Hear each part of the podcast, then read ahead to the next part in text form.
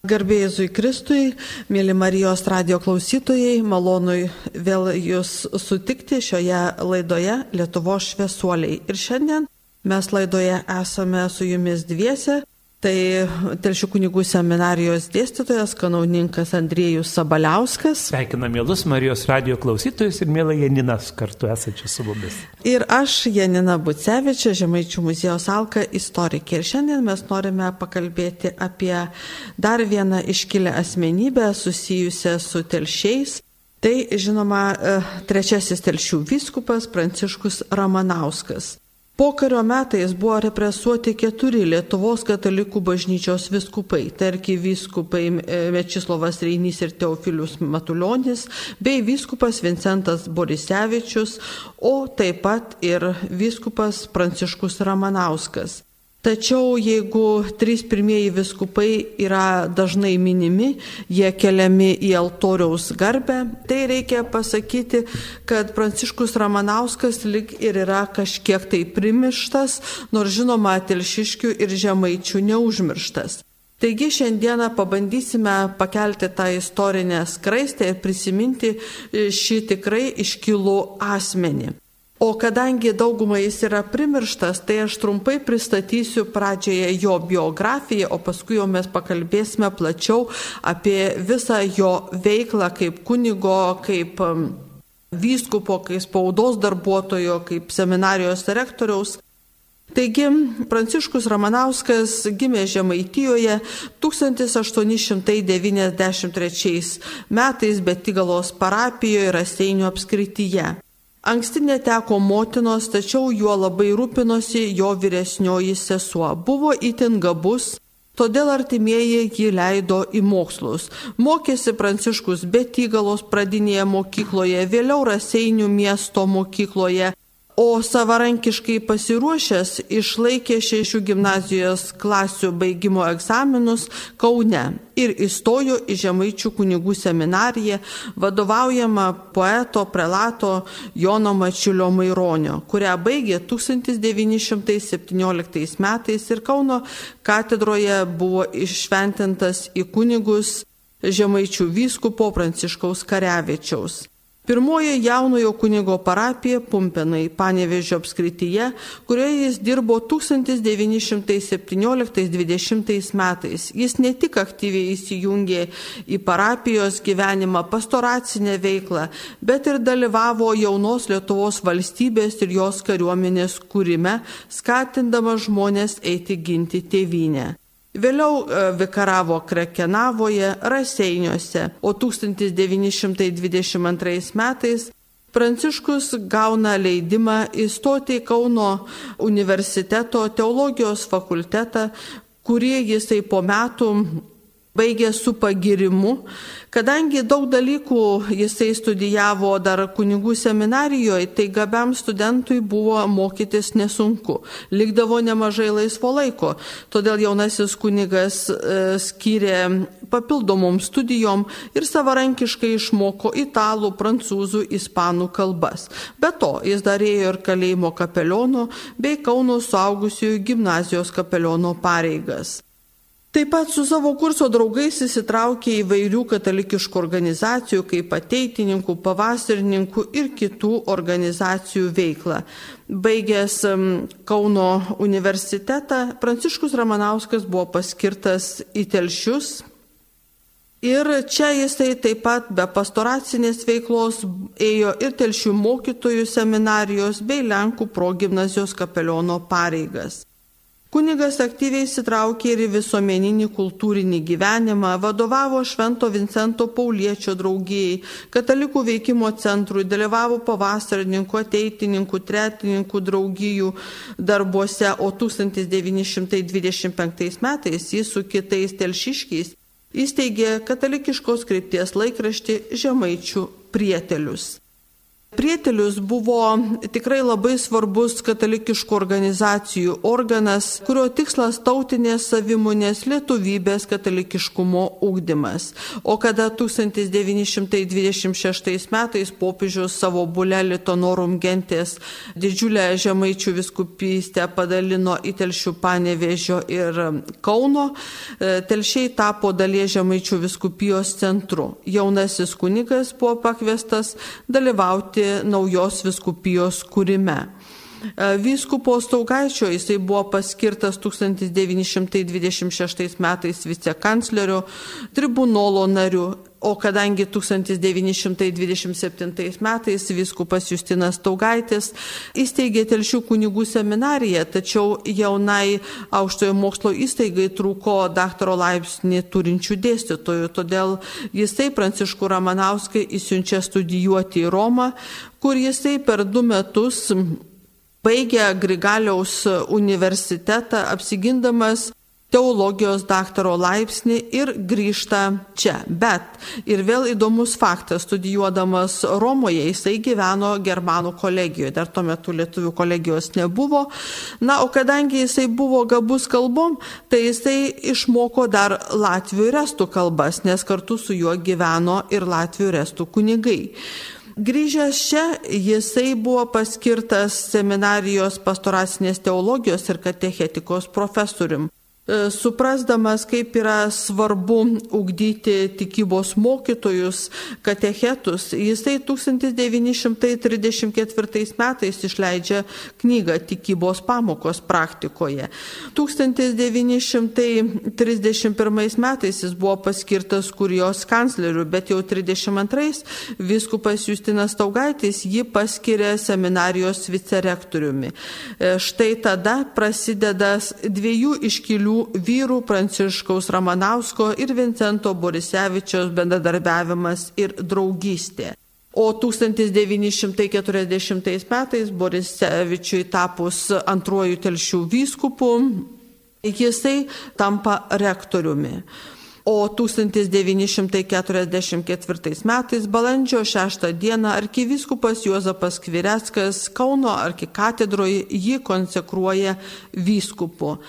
Deja, laikai buvo sunkus, karas, pokaris, sovietinė okupacija ir 1946 metais gruodžio 18 viskupas Pranciškus Ramanauskas yra suimamas, žiauriai tardomas KGB kalėjime Vilniuje, ir 1947 metais nuteisiamas 10 metų lagerio ir ištremiamas į Sovietų sąjungos gilumą. Jisai kalėjo Oršos kalėjime, Karlagė, Karagandoje, Minlagė, Vorkutlagė, Abesės lageriuose esančiose komijos ATSR. Paleistas iš lagerio su palūžusia sveikata, bet nesupalaužta dvasia, 1957 metais jis grįžta į Lietuvą, tačiau okupacinė teisinė valdžia neleido jam eiti vyskupo pareigų, net gyventi telšiuose jam neleido.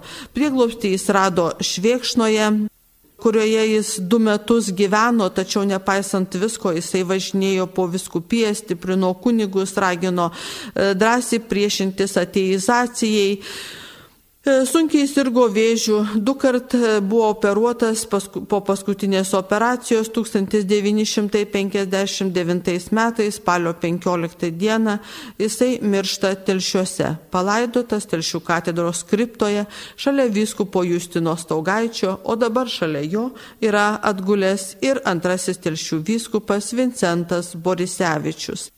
2000 metais viskupas Pranciškus Ramanauskas įrašytas į Lietuvos naujųjų kankinių bažnyčios martirologiją, o 2006 metais birželio 7 dieną prezidento dekretu po mirties apdovanotas Vyčio kryžiaus ordino komandoro didžiuoju kryžiumi. Tiek trumpai jo biografija, jo svarbiausia veikla. Tačiau koks jisai buvo kaip žmogus, kunigė Andrėjau? Iš biografijos faktų galima jau pamatyti e, tą tokį žmogaus asmenybės raidos panoramą ir e, patirtis buvo įvairi. jeigu dabar žiūrėtumėm šiandienos akimis į šitą žmogų, tai pamatytumėm, kad tai buvo plataus baro žmogus, plačios veiklos ir labai atviras daugeliu dalykų. Gal netgi tą žingeidumą, kurį turėjo ko gero iš prigimties, jis labai gražiai mokėjo integruoti į to meto realijas ir nebijojo būti ir su jaunimu, ir su tais, kurie, sakykime, nukentėję ar negyvenime galbūt nuo sunkios patirties ir atsidūrė tokio įstaigoje kaip kalėjime, kapelionauja, kaip girdėjome ten. Tai rodo, kad žmogus buvo visapusiškas. Ir jo studijos, jo gebėjimai iš tikrųjų įsiskleidžia kunigystės kelyje, vėliau ir neilgame, bet tokiame skausmingame viskupavimo laikotarpyje parodo, kad tikrai žmogus buvo neįlinė asmenybė, gebantis tikrai vertinti aplinkybės, na ir iš to meto jo amžininkų liudymo, apie tai mes ko gero plačiau kalbėsim, jis buvo labai praktikas. Konkrečiai žiūrėdamas į tikrovę matė labai praktinius dalykus konkrečius ir žinoma, tai irgi yra šventumo požymių žmogaus. Nebūti kažkur toli, bet būti čia ir dabar ir ieškoti išeities įvairiuose gyvenimo atvejuose, tai apie jį galima, galima kalbėti, žinoma, prisimenant, kad jis buvo ir žydų slėpimo tas vienas iš pagrindinių organizatorių Telšių viskupijoje ir tikrai matė tą tą tikrovę, kurioje tuo metu vyko įvykiai. Tai čia tikrai, manyčiau, Ramanauskas yra didelis mums visiems pavyzdys ir mėly Marijos radio klausytojai, primenam, kad laida vadinasi Lietuvo šviesuoliai, tai reiškia, kad kalbėdami apie šį konkretų žmogų, kaip kuniga ir vyskupa, esam pakviesti iš jo pasimokyti kažkokiu dalyku. Tai va, čia yra svarbiausia. Iš tikrųjų, aš ne veltui pačioje pradžioje užsiminiau, kad štai Borisevičius yra kandidatas į palaimintuosius užvestą bylą. Vis tik tai manyčiau, kad ir Ramanauskui tikrai turėtų būti užvesta byla jo paskelbimo palaimintuoju, ateityje tikiuosi ir šventuoju. Ir man iš tikrųjų iškyla tokią viziją, kaip mes visada matome šventąjį Petrą ir šventąjį Paulių kartu, nors jie buvo labai iš tikrųjų irgi skirtingi žmonės. Tai lygiai taip pat e, aš matyčiau Borisevičių ir Ramanauską kartu dviese. Jie vienas kitą nuostabiai papildė. Vincentas Borisevičius buvo intravertas, žmogus labiau į save. Be abejo, jisai daug ką darė ir ką galėjo darė ir dėl kitų, e, kaip mes kalbėjome ankstesniai laidoj, bet pats kaip žmogus jisai buvo intravertas ir neveltui nekarta netgi e, seminarijos klerikai pastebėjo, kad jisai ieško vienumos, nuo šalumos ir kartais net lyg ir slepiasi. Tai kiek aš žinau, kad Pranciškus Ramanauskas buvo visiškai kitoks, visiškai jo priešingybė, bet jie šitaip labai gražiai vienas kitą papildė. Ir būdami visiškai skirtingi, bet būdami dideli žmonės, jie nebijojo matyti savo trūkumus ir matyti kito privalumus ir vienas kitą papildyti. Ir aš esu tikrai įsitikinusi, kad Vincentas Borisevičius, tapęs telšių vyskupo, po vyskupo Justino Staugaičio mirties ir vyskupo ordinaru, darė viską, kad Pranciškus Ramanauskas taptų jo pagalbininku, auxiliaru, kad jie galėtų dviese dalintis tą atsakomybę ir pilnai daryti viską, kad bažnyčia e, žemaičiuose e, klestėtų, auktų, stiprėtų, žinoma, aplinkybės istorinės, tai ne nuo jų priklausė tiek nacijų, tiek sovietinė okupacija, bet jie abu stovėjo kartu, stovėjo greta ir buvo labai tvirti. Tai dabar aš žinau, kad kanauninkė Andrėjau, jūs esate surinkę daug atsiminimų iš kunigų, kurie pažinojo, kurie mokėsi, kai seminarijai vadovavo arba buvo vicerektorius ar rektorius vyskupas Pranciškus Ramanauskas, tuo metu žinoma dar ir ne vyskupas, prelatas. Tai kokį jį prisimena jo studentai, jo bendradarbiai? Toks gal gražiausias momentas, kuris atsispindi apie jį prisiminimuose, tai kaip profesorius buvo tokio plataus akiračio žmogus ir, e, na, iš tikrųjų gebėjo tuos dalykus, kuriuos dėstė, o dėstė nemažai, girdėjom ir pastoracinę, psichologiją, ir teologiją, ir katechetiką, pedagogikos studijas, kai buvo baigęs, kaip buvo pristatyta Romos universitetuose. Tai tokį platų akiratį žiūrėdamas labai vaizdingai ir kartu labai plačiai pateikdavo savo studentams dėstomą medžiagą. Tai rodo apie žmogaus tokį gebėjimą analizuoti, pateikti išvadas ir galbūt padėti jaunam žmogui susivokti, ką jis turi nuveikti savo kunigiškam kelyje, susitikdamas su jaunimu arba įvairaus amžiaus žmonėmis. Nes pastoracinė teologija iš tikrųjų yra tas platusis akiratis, žvelgiantis į žmogų, į kiekvieną žmogų kaip tą, kuriam reikia paskelbti gerąją naujieną na, ir surasti būdą, kaip priartėti prie to žmogaus. Tai va Ramanausko tokia galbūt struktūra dėstymo yra labai gražiai užfiksuota jo studentų buvusių.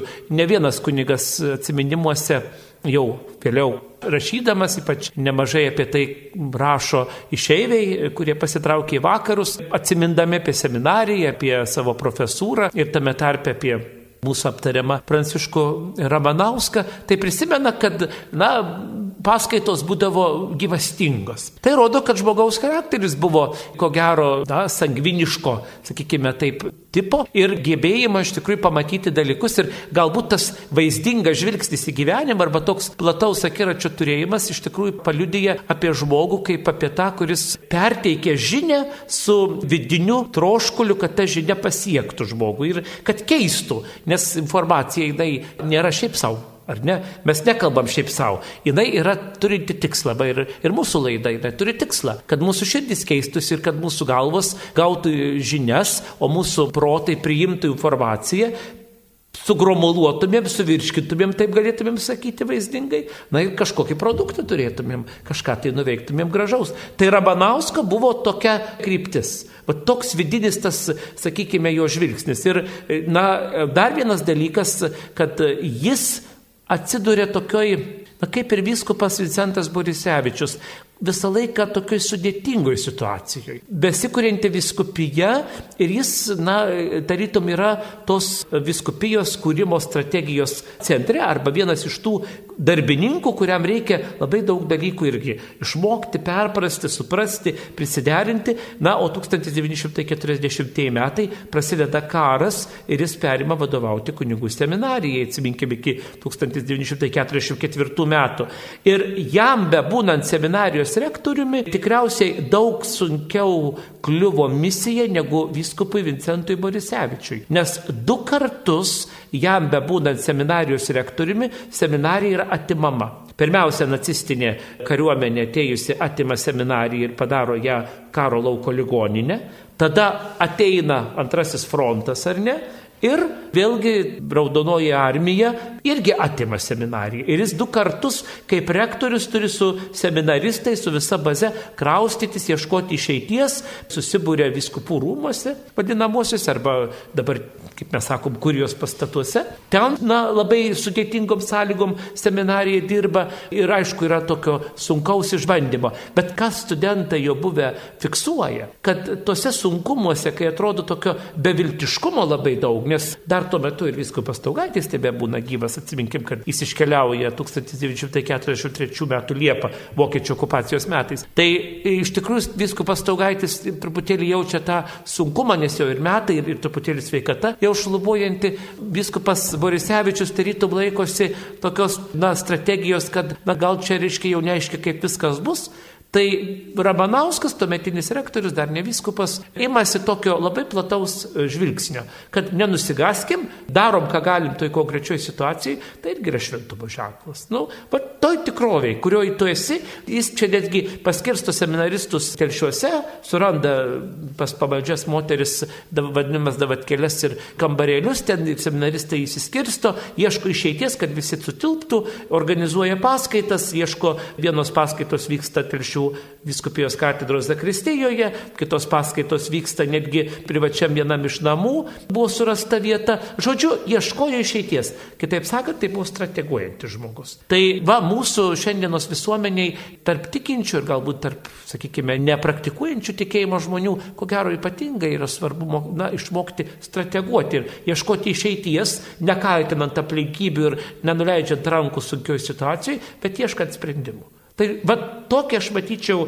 toj visumoje vyskupą Pranciškų Ramanauską. Tai jau rodo tai, kad kiek jis organizacijų vadovavo, kaip jisai buvo vienas iš e, laikraščio Žemaičių prietelius ir kitų laikraščių leidėjas, tai rodo, kad tikrai tai buvo labai organizuotas žmogus. Bet aš taip pat žinau, kanauninkė Andrėjau, kad jis ir humorą prilaikė. Kad jis, jis nebuvo toks jau labai visada tik tai rimtas. Labai gražus toks atminimas iš jo buvusių studentų, dabar jau amžinybė nesančių visų kunigų apie jį. Tai taip Tokia viena istorija yra graži, kad vyko ūkio darbai, seminaristai suvažiavo rudenį ir tada seminarija turėjo savo ūkį, papildomai išlaikymas buvo nelengvas ir seminarija turėjo ir žemės, ir gyvulių, ir tam tikras kultūras augino. Na ir seminaristai, bulvekasis, seminaristai, reiškia, graži diena, ruduo, kasa bulves, vyksta procesas, darbas. Na ir tuo metu jau, reiškia, rektorius ateina pasižvalgyti, kaipgi čia vyksta darbas, kaip vyksta procesas procesas, na ir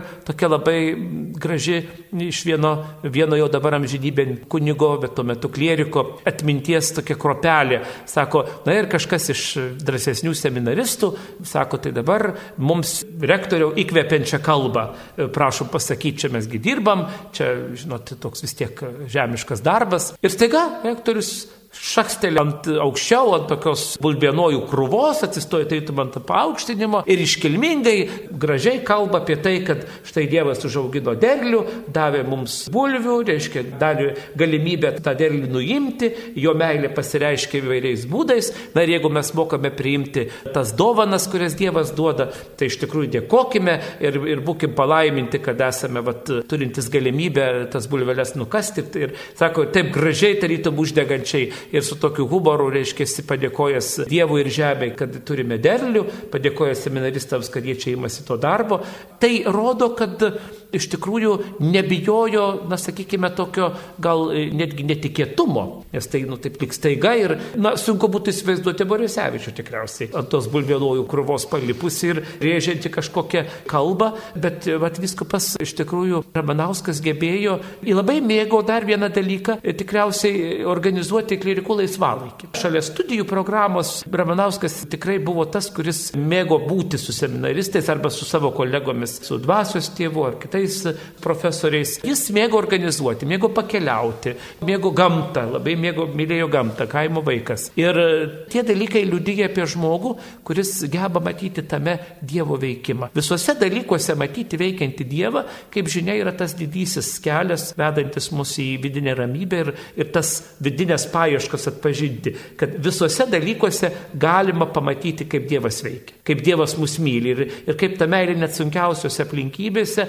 kas kas parodo paskui jo kančia, tardymą ir lagerio, lagerio laikas, apie tai dar tikriausiai kalbėsime. Iš tikrųjų, kad jis, na, visada tokį turėjo ypatingą skaidrumą. Vidinis skaidrumas ir vidinė ramybė. Ir, ir, ir netgi tada, kai jam atrodė, kai atrodė aplinkiniam, kad tai yra sunkiausias laikas, jis vietoj to, kad būtų apsunkęs pats nuo tos tikrovės, visada buvo raminantis kitus. Tai čia iš tikrųjų buvo jo tikriausiai ta stiprioji arba, sakytumėm, na, ypatinga ta geroji pusė kaip žmogaus ir kaip kunigo bei vyskupo. Tai jisai buvo toks visapusiškas žmogus, kuris irgi suprato, kad kunigas tai ne tik tai tas, kuris, žinoma, daug melžiasi be abejo, kuris atlieka įvairias bažnytinės apėgas, patarnavimus, kas, žinoma, tai yra prioritetas, bet kad kunigas turi būti visapusiškas žmogus ir apsišvietęs, ir kultūriškai, ir istoriškai, ir, sakykime, gerai išmanti literatūrą, meną, pažinti savo kraštą, dalyvauti krašto gyvenime su žmonėmis būti įvairiose situacijose,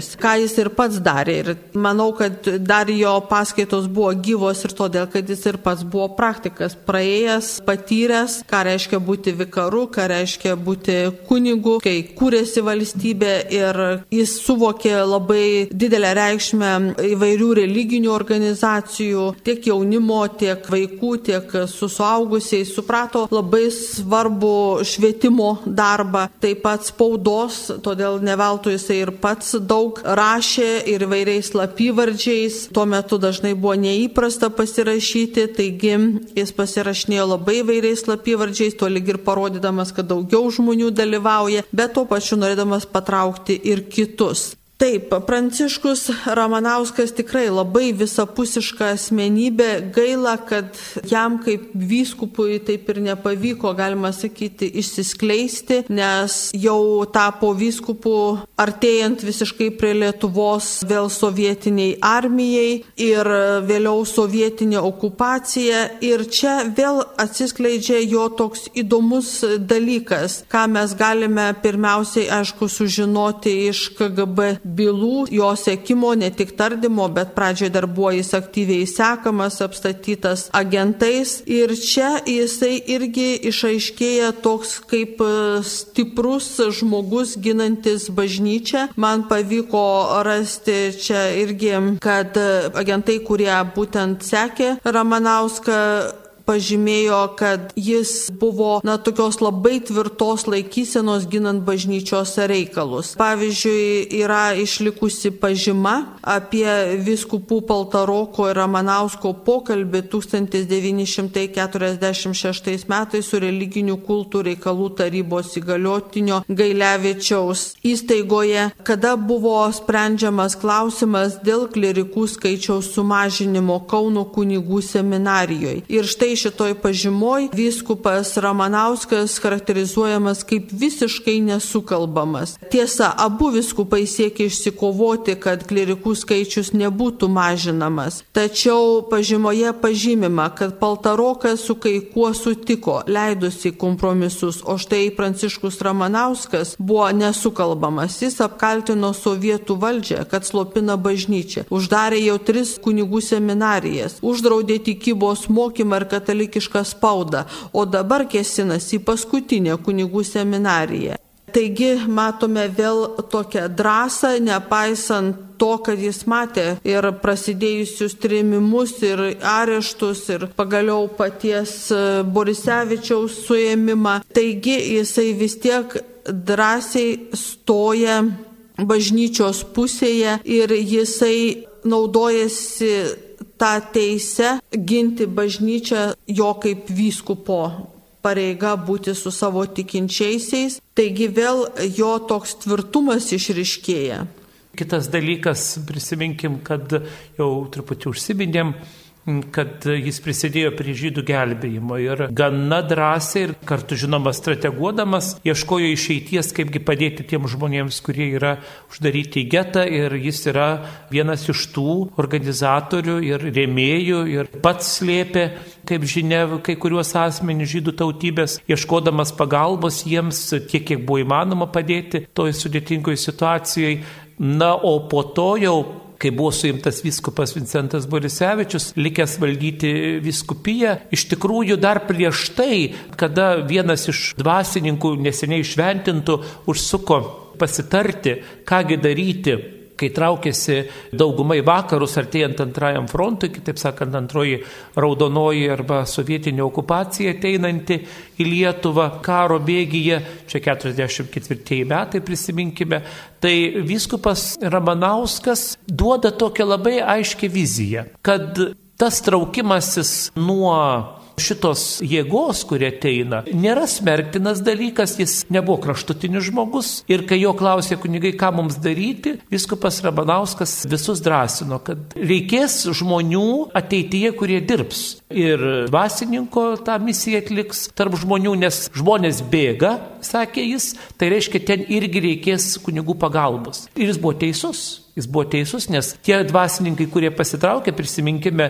jie nuveikė milžiniškus dalykus ar net milžiniškus darbus. Ir lietuvių kolegija iki šių dienų Romoje tarnaujant ar ne kilniems tikslams tikrai suvaidino didžiulį vaidmenį, ypač nepriklausomybės aušroje atsiminkim, kad tai buvo didžiulis darbas ir tai buvo irgi palaiminta tarytum tokiu netiesioginiu būdu viskupo Ramanausko. Ir kiti kunigai, kurie Amerikoje buvo kartu su žmonėmis Australijoje, kaip prelatas Petras Butkus, kuris čia dirbo telšiuose, jis yra užsiminęs apie tai, kad jis nuėjo į kuriją tai rautis ir viskupas Ramanauskas, na, nestabdė jo. Jis sako, trauksitės, bet žinokit, ten žmonės, o kur žmonės, ten turi būti ir kunigai. Tai jis tą suvokė, o pats liko kaip ganytojas iki galo ištikimas, kaip ir minėjom, ir čia rodo, kad buvo tokio gal suvokimo iškaus įvertino geopolitinę padėtį, ne tik tai tą realybę, kuri vyko tuo metu, bet matė perspektyvą.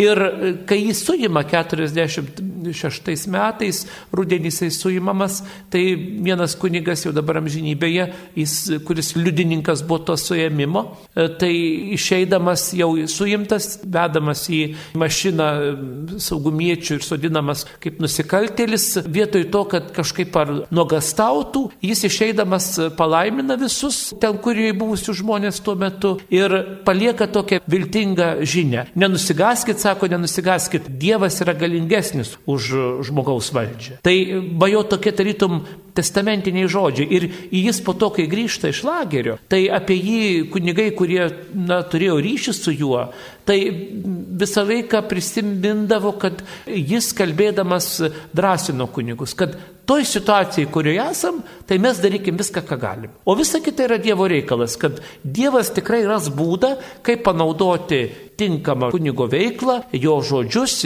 jo pasiaukojimą, jo ištikimybę ir ateis laikas, kad Lietuva iš tos tamsos tikrai išeis į šviesą. Tai tuo metu 1957, 8 ar 9 iki jo mirties metais tikriausiai tie žodžiai galėjo atrodyti na, naivus arba toli gražu iki tikrovės. Bet šiandien, praėjus 60 metų po jo mirties, kaip tik neseniai mes minėjome, ta sukaktis buvo, tai matome, kad tai, ką jis kalbėjo, taip kaip jis suprato, tai buvo pranašiška.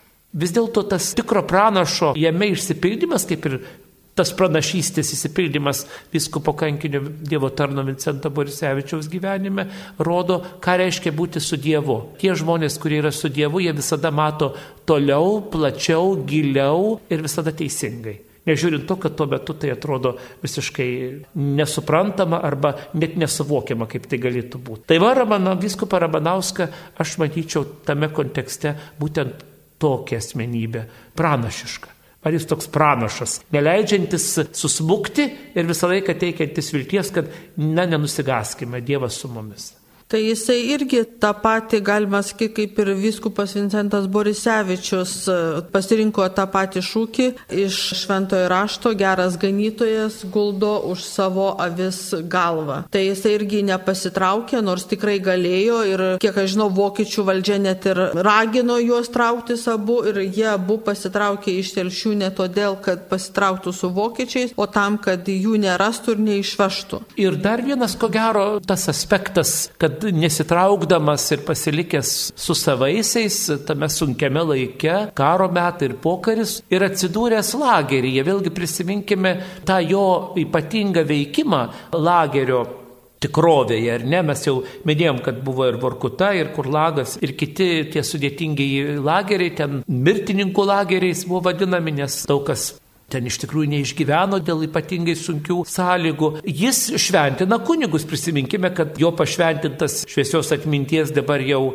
visiems gerai pažįstamas neįlinis kunigas monsignoras Alfonsas Varinskas, ten lavoninė jį pašventina, taip pat pašventina ir Latvių kilmės vieną kunigą. Tai rodo, kad netgi toje atrodo beviltiškumo, liūno tikrovėje, kur, na jau tikrai mirtis žiūri akis kiekvieną dieną. Jis šventina skatina kunigus, jis organizuoja rekolekcijas, kalba apie viltį, klauso iš pažinčių, dalinasi paskutiniu duonos kasniu. Tai rodo, kaip žmogus iš tikrųjų kuria dangų pragare. Nu, nes lageris tai buvo pragaras. Ir dar gal tokia Man atrodo labai iškalbinga jo, sakykime, pozicija. Jis sakydavo, bet koks pragaras sukurtas žemėje yra laikinas. Nes Dievas nėra kuriejas pragaro, reiškia žemėje, Ir tai, ką sukuria žmonės įtakoti piktosios dvasios, yra laikini dalykai. Na, ačiū Dievui, tai yra iš tikrųjų tiesa didžioji, ar ne? Tik Nes Dievas ką kuria, tai jisai kuria amžiną gėrį. Tiek žemėje, tiek dangui, tiek amžinybei. Tai štai jo ta laikysena ir tas jo strateginis mąstymas netgi tame pragaišties liūne beviltiškumo tamsoj užėmė šviesą. Ir štai monsignoras Arvodas Valickas yra to įrodymas. Jis nuveikė milžiniškus darbus, kaip žinia. Ir kaip matom, yra tiesiogiai susijęs su mūsų aptariamo, aptariama asmenybė ir tikrai monsignoras, kaip žinia, vienas iš tų didžiųjų šviesuolių. Tai čia mes turim, va, tokį kažkokį ypatingą sąsajų srautą, ar ne? Jau jeigu tos laidos mūsų tęsis, o dar tikime, kad, mėly Marijos Adė klausytojai, turėsite noro mus paklausyti iš čia telšiuose vykstančios studijos tų laidų apie Žemaitijos telšių regione esančius ypatingus šviesius žmonės, tai iš tikrųjų rodo, kad vienas šviesulys pagimdo kitą šviesulį. Kitaip sakant, tai, kas yra šviesu, visą laiką duoda šviesos spindulį ateitį. Tai štai tokį matyčiau viskopo Ramanausko šviesos rautą su savimi. Ir e, lageryje, nepaisant to, jisai visą tai darė, nors pats jau sunkiai sirgo, buvo išsekęs, bet jisai išliko tvirtas savo dvasia. Ir kaip sakėte, ir buvo ir rekolekcijos, ir organizuojami net vakarai su patriotiniam dainom, ranka leidžiami lapeliai, net laikraščiai, kuriuos lagerininkai, aišku, labai vertino ir kurie stiprino. Ir tikrai, kaip sakėt, labai gražiai du kunigus kunigus pašventino. Na, o apie tai pranešė laiškė kunigas Jonas Žvinys iš Intos lagerio labai gražiai taip užšifruotai. Pranciška Telšytė lagerėje pagimdė du sūnus. Tai iš tikrųjų buvo didysis tas įvykis, kad tiems žmonėms, kurie gyveno tikėjime, buvo didelė viltis, nes kunigas šalia žmogaus kančios, kunigas šalia žmogaus mirties ir beviltiškume iš tikrųjų yra didžioji Dievo apvaizdos veikimo strategija. Tai čia viskupui Ramanauskui tikrai pavyko šitą misiją su kaupu išpildyti ir tikrai jis turėjo tą didelį troškimą padėti žmonėms gyventi šviesoje, tikėjimo šviesoje ir artimo meilės šviesoje. Tai va, vėlgi, mėly Marijos radio klausytojai, primenu, kad klausote ir girdite laidą Lietuvo šviesuoliai, kalbam apie viskupą Pranciškų Ramanauską, kankinį, neįlinę asmenybę, iš tikrųjų būti žmogumi su Dievu, bet kokioje situacijoje ir yra tas didžiausias laimėjimas ir didžiausia šviesa, ar ne? Būti šviesuoliu tai reiškia atpažinti Dievo šviesą. Viskupui Ramanauskui, mūsų čia be jūsų Janina supratimu, tai puikiai pavyko ir sekėsi, sakyčiau, gyvenimo kelionėje. Ir taip pat ką rodo jo tardymų protokolai, kad jis nieko neišdavė.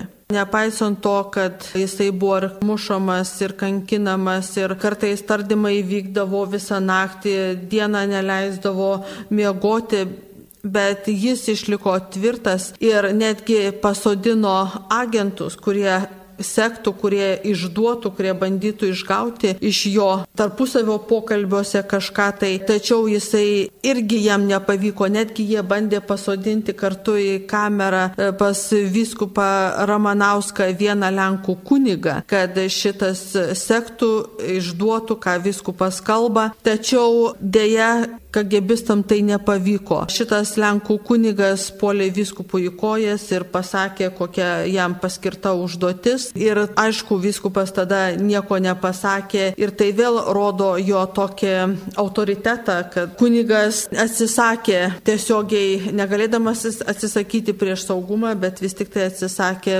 bendradarbiauti ir išduoti vyskupą. Lageryje jisai buvo matyti irgi toks tvirtas, kaip jūs čia gražiai ir sakėt, kad kada 1956 metais komunistų partijos nutarimu pradėti naikinti lageriai ir paleidžiami iš lagerių kaliniai, tai Lietuvos e, saugumo komiteto vadovybė su centro komiteto atstovais prašė, kad neleistų vyskupui sugrįžti į Lietuvą, kad jisai būtų patalpintas į invalidų namus, komijoje arba kažkurioje kitoje vietoje, tačiau jau šiuo atveju 1957 metais ten dirbusi komisija vis tik tai išleidžia vyskupą ne tik iš lagerio, bet ir leidžia jam grįžti į Lietuvą. Ir štai tada vėl yra labai įdomus dalykas, nors jisai ir negavo teisės valdyti viskupijos, nors ir tuo metu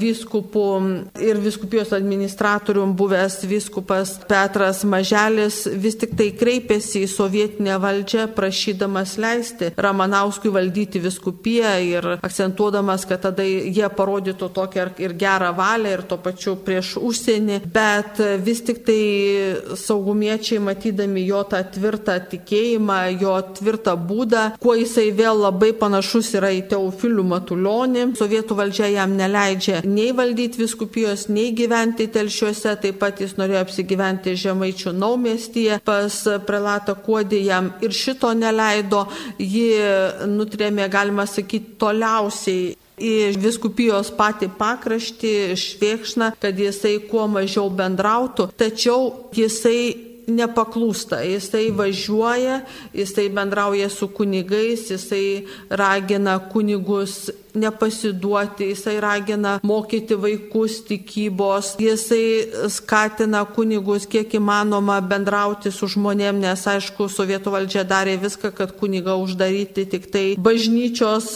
ribose. Ir čia vėl matome, nepaisant praėjusio lagerio, nepaisant to, kad jo sveikata vis labiau silpo, kad jis jau sunkiai sirgo vėžiu, bet jisai ragino išlikti tiek kunigus, tiek vyskupą Petrą Maželį tvirtus ir ginti bažnyčią. Iš kur visa ta tokia jėga? Iš giluminio tokio matyti santykio su Dievu ir nuolatinio suvokimo, kad bažnyčia yra nesugriaunama. Jis šitą akcentuodavo nuolat, kalbėdamas su kunigais, sakydamas pamokslus, bendraudamas su žmonėmis, kas yra išlikę iš jo tokio laikysenos metodo. Jis visada sakė, nu, nenusigaskim, reiškia, laikinumas. Čia yra laikini dalykai, praeis ir tai. Ir gal tas pranašiškas jo, kaip minėjau, akcentas iš tikrųjų išliko ir tuo, kad jis visada sakydavo, aš turiu tokį troškimą pabaigti gyvenimą Lietuvoje ir būti palaidotas telšiuose, telšių katedros kriptoje. Na, kaip ir priklauso vyskupui, kuris na, yra ganytojas, sakykime, savo jam patikėtoje kaimenėje, ar ne? Ir taip ir įvyksta, stebuklingai neįtikėtina. Jis atvažiuoja pas vyskupą maželį į susitikimą sveikata jau buvo jau tikrai jo prasta, papalogėjus būkliai išvežamas į telšių miesto ligoninę, toje ligoninėje jis iškeliauja į amžinybę ir yra palaidojamas telšių katedros kriptoje, kas neįtikėtina, nes mes žinome tikrą istoriją, kad buvo reikalaujama iš saugumo viršininko, jog, na, jis turi būti išvežtas iš Vėkšna, ten, kur ir gyveno,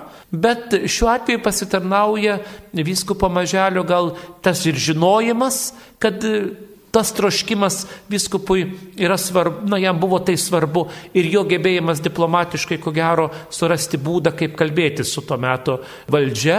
Ir jie prieina išvados, kad viskupas Ramanauskas yra palaidojamas būtent katedroje, kriptoje, kaip ir buvo minėta, šalia viskupo Justino Staugaičio. Tai rodo iš tikrųjų, kad Dievas visada mato savo žmonės, juos girdi juos ir, na, ir tikrai išgirsta ir tarytum net ir tuose reikaluose kuriuose tie sprendimai kartais yra to žmogaus naudai, sakykime taip, kaip jis troško, kaip jisai norėjo. Ir tikriausiai pabaigai tiktų pacituoti dėje agento Petraičio pranešimą, bet jis kalba apie vyskupo Ramanausko išsakytą mintį.